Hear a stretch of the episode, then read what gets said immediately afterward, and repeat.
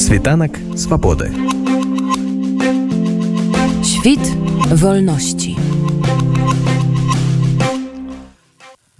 Беларускія сацыёлагі працягваюць вывучаць настроі ў грамадстве, якое засталося ў беларусі. На мінулым тыдні мы распавядалі пра даследаванне прысвечанае таму як насельнікі беларусі адчуваюць сваю нацыянальную ідэнтычнасць. А напярэдадні ж у беларускім прэс-клубе адбылася прэзентацыя даследавання якое называлася стаўленне да расійскай мабілізацыі і ідэалагічная самаідэнтыфікацыя беларусаў што яно показала у нашым сюжэце вынікі даследавання прадставіў кіраўнік беларускай ініцыятывы ў каралеўскім інстытуце міжнародных спраў вядомым як чатам хаус і дырэктар у даследаваннях цэнтра новых ідэй рыгора стапеня. Гэта ўжо 13 хваля падобных даследаванняў з 2020 года і праводзілася яна ў сярэдзіне лістапада. Як і ў даследаванні пра нацыянальную ідэнтычнасць якое прадстаўляў на мінулым тыдні даследчык Філіп беканаў у гэтым даследаванні ўсё закруцілася вакол тэмы медыа спажы спажывання. Рыгора стапеня патлумачыў гэта тым, што сёння цяжка сегментаваць насельніцтва паводле палітычнай прыкметы, бо стаўлення да ўлады ці да нейкай палітычнай сістэмы чалавек не заўжды можа выказаць.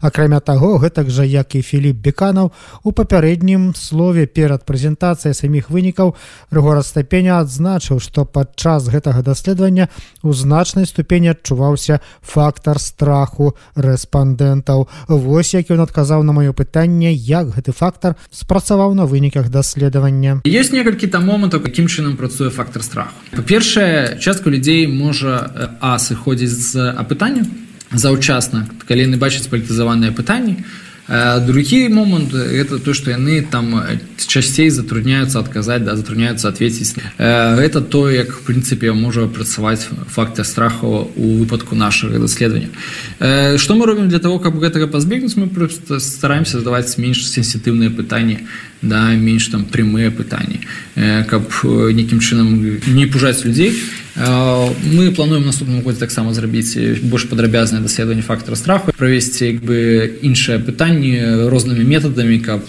паказаць зразумець наколькі істотны гэты фактор страху. Што ж да саміх вынікаў то як і папярэджваў рыгор пачаў ён менавіта з медыа спажывання для таго каб неяк сегментаваць рэспандэнтаў даследчыкі прапанавалі гэткія кластары групы пэўных медыяў якімі найчасцей цікавяцца жыхары беларусі. Мы задаем людям вопрос, как часто э, вы получаете новости о происходящем из следующих источников, и мы даем, как вы видите, тут 7 э, кластеров э, СМИ, да, российские государственные, телевизионные медиа, белорусские государственные телевизионные медиа, белорусские независимые СМИ, российские независимые СМИ, российские такие СМИ а нейтральные, да, которые часто имеют государственную аффилиацию или ее не имеют, да, в основном, конечно, имеют, э, но они не воспринимаются как э, вот прям такие самые важные российские СМИ, да.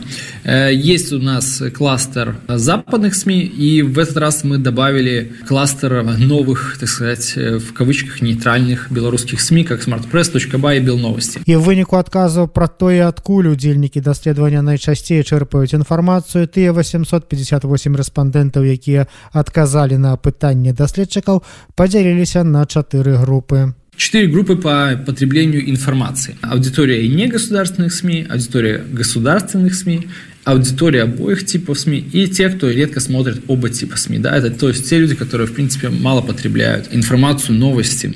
Аудитория негосударственных СМИ, как мы ее представляем, это люди, которые хотя бы раз в неделю или чаще декларируют то, что они э, получают информацию из следующих источников любым способом, из «Зеркала», «Наша Нива», «Свобода», «Белсата», «Медузы», «Новой газеты», «Дождя» и «Эхо Москвы».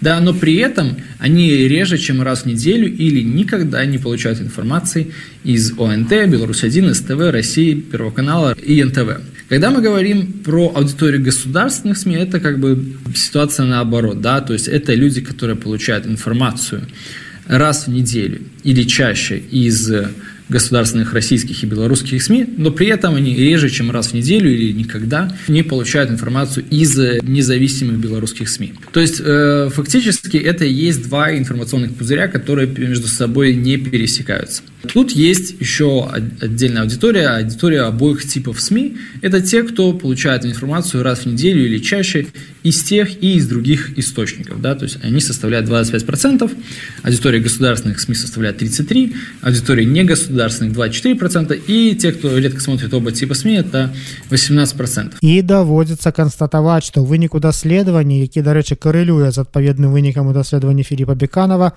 сярод розных крыніц інфармацыі, якімі карыстаюцца насельнікі Беларусі, першую пазіцыю займае тэлевізор А якія каналы ў беларускіх тэлевізорах найбольш пашыраныя здагадацца не цяжка але ёсць і станоўчыя дадзеныя. Городские белорусы несколько чаще смотрят российские белорусские телеканалы нежели чем другие источники но при этом нельзя сказать чтобы доминация там э, российского и белорусского телевизоров была уж очень большой да то есть это безусловно там самый популярный источник, но это не является так, что это там единственный источник. При этом много людей получают информацию также из других источников. Но когда мы говорим о российском и белорусском э, телеканалах, Нужно отметить, что к ним есть более определенная позиция, чем в отношении других СМИ. Да, то есть мы видим, что тут, там, где затрудняюсь ответить, оно относительно мало. То есть люди чаще всего имеют более определенную позицию доверия или недоверия к российским и белорусским государственным СМИ.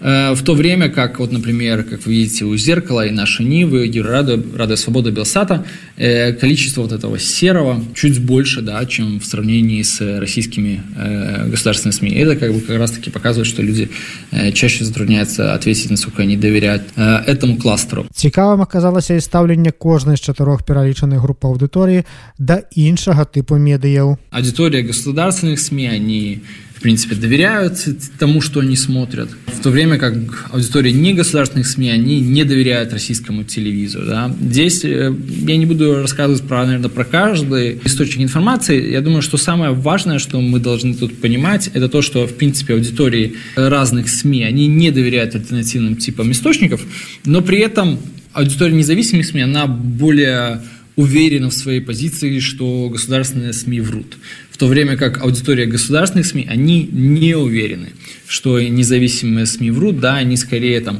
склонны понимать, что все-таки во многом информация независимых СМИ, она адлюстровывает, показывает, да, реальность и показывает то, как, как, что на самом деле происходит. Асабліва Рыгора Стапеня спыніўся на стаўленні да так званых новых, нібыта не афіляваных з дзяржавай медыя, а менавіта смарт-прэс, Белновости и Точка Бай. Это издания, которые, в принципе, не пишут о проблемных для власти темах, они стараются там не освещать какие-то основные политические события или, по крайней мере, делают это э, крайне сдержанно. Что мы видим в нашем исследовании, это то, что, в принципе, люди пользуются этими источниками, да, то есть нельзя сказать, что у аудитории в этих СМИ нет, то есть она определенно есть.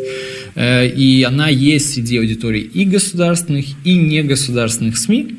Но что отличает аудиторию негосударственных СМИ, это то, что они, в принципе, да, э, не склонны доверять той информации, которую показывает Смартпресс, Белновости и Точка бай. І вось менавіта зыходзячы з таго інфармацыю з якіх медыяў спажываюць людзі што жывуць у беларусі фармуюцца іх веды пра тое што было заяўлена як асноўная тэма даследавання што ж нашыя суячыннікі ведаюць пра тую самую мабілізацыю ці як яе празвалі многія магілізацыю якую ажыццяўляюць расійскія ўлады у сваёй рассіі в принципе беларусы знают о том, что в России объявили частичную мобилизацию. Они знают то, что происходит там запланированное мероприятие по призыву на срочную военную службу. Они э, в основном знают там, о том, что людей, которые попали в российскую армию через мобилизацию, их отправляют в места боевых действий. Но здесь важная вещь, которая про нас, да, что белорусы, в принципе, не так много знают о том, что в Беларуси развернули совместную региональную группировку вооруженных сил Беларуси и России, и еще меньше белорусы знают о том, что на территории Беларуси проводят тренировки россиян, которых потом отправляют, в принципе, в места э, боевых действий. То есть эти события, в принципе, не проходят там да, в голове многих людей, и это показывает, что, скорее всего, государственные медиа об этом говорят достаточно редко. И об этих событиях чаще знают как раз-таки люди, которые читают независимые СМИ. При этом у існых умовах асабіста я не выключаю, што ў тым ліку і як спосаб абыходу таго самага чынніку страху даследчыкі ўжылі даволі незвычайны прыём. Яны прапанавалі ўдзельнікам даследавання зрабіць такі крок, калі бы ім было магчыма адправіць тэлеграму расійцам і украінцам, які б асноўны змест тыя тэлеграмы быў. Вынікі, мягко кажучы, памяркоўныя доминирует определенно гуманитарное послание, да, пожелание там держаться, сочувствие, желание мира. С другой стороны, как бы есть определенно там меньшая часть, да, это политические послания, это поддержка в конфликте, там, призывы одуматься и так далее и тому подобное. Но, в принципе, то, что самое важное, это то, что в, в общем белорусы там скорее сопереживают, да, и желают скорейшего окончания войны.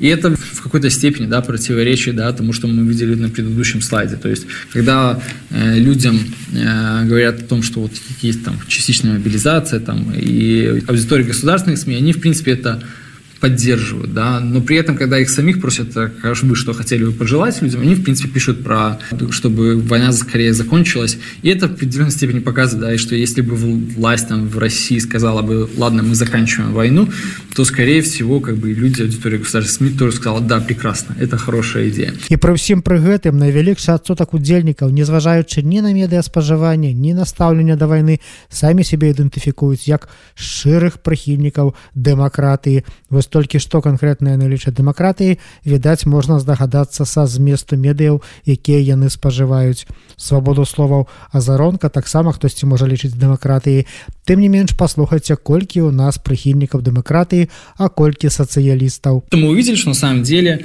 больше половины городских белорусов считает себя демократами и среди белорусов достаточно много, да, большинство сторонников э, рыночных преобразований, при том, что сторонников левых социалистических взглядов, по крайней мере, люди так себя считают, да, не так и много, их достаточно, можно сказать, мало. И это показывает, опять же, да, что определенный там запрос э, на трансформацию в стране, да, и на то, что, в принципе, белорусы куда либеральней э, чым это может казацца Ну і геапалітычныя перавагі жыхароў беларусі вызначыў конец лютага калі пачалася вайна. Вось уже 10 месяцаў тут даследаванні не показваюць зменаў. Геополитические предпочтения мы видим что на самом деле ничего не меняется в этом смысле. Произошло большое изменение после начала полномасштабной войны когда э, значительная часть белорусов перестали верить в то, что можно иметь симметричные отношения с Россией и ЕС одновременно, но при этом после того как бы никаких э, значительных изменений не происходит. Конечно же, нам, как супрацоўнікам недзяржаўнага медыа, не дужа прыемная такая тэндэнцыя, што ўсё больш і больш павялічваецца доля тых, хто карыстаецца інфармацыяй з дзяржаўных альбо такіх самых дзяржаўных, але мімікраваных пад незалежныя СМі. І адпаведна людзі фармуюць свае погляды. На наших вачах яшчэ нейкіх гадоў 15 таму больш-менш ліберальнае грамадства суседняй рассіі пад уплывам яе дзяржаўнай прапаганды скацілася ледь не да ўсеагульных фашысцкіх поглядаў. Што ж адбываецца з яшчэ зусім нядаўна неверагодным грамадствам беларусі? Вось як расцэньвае павелічэнне аўдыторыі дзяржаўнага тэлевізара і яму падобных крыніц рыгора стапеня. Чаму адносна расце доля тых хто ідзе ў дзяржаўныя смі ці ідзе ў такія меды як тыя, якія я ўзгадваў, там, Смартпрэс, Точка бай, Белновости і так далей, гэта ўсё ж такі то, што яны прадукуюць непалітызаваны кантэнт, які прываблівае людзей, да, то бок там можна пачытаць, што там адбываецца ў Менску, адбываецца ў нейкім іншых гарадах. То бок гэта той кантэнт, які прываблівае непалітызаваных людзей. У той час, як незалежныя СМІ яны как бы зразумела па зразумелых прычынах яны цяпер вельмі палітызаваныя. То бок яны не пішуць як бы і пра то, што адбываецца ў Беларусі і пра вайну і пра ўсе астатнія і гэта безумоўна ўплывае на тое што частка людзей которые хацелі бы там нейкіх менш палітызаваных навіну хацелі бы ведаць там больш там дзе галалёд у якім месцы горада ці там дзе лепшыя паркоўкі там ці як правильно закатаць агуркі то гэтыя людзі безумоўна ідуць на альбо а новыя так званыя нейтральныя сМ альбо б і расійскія дзяржаўныя світанак свабоды Świt wolności.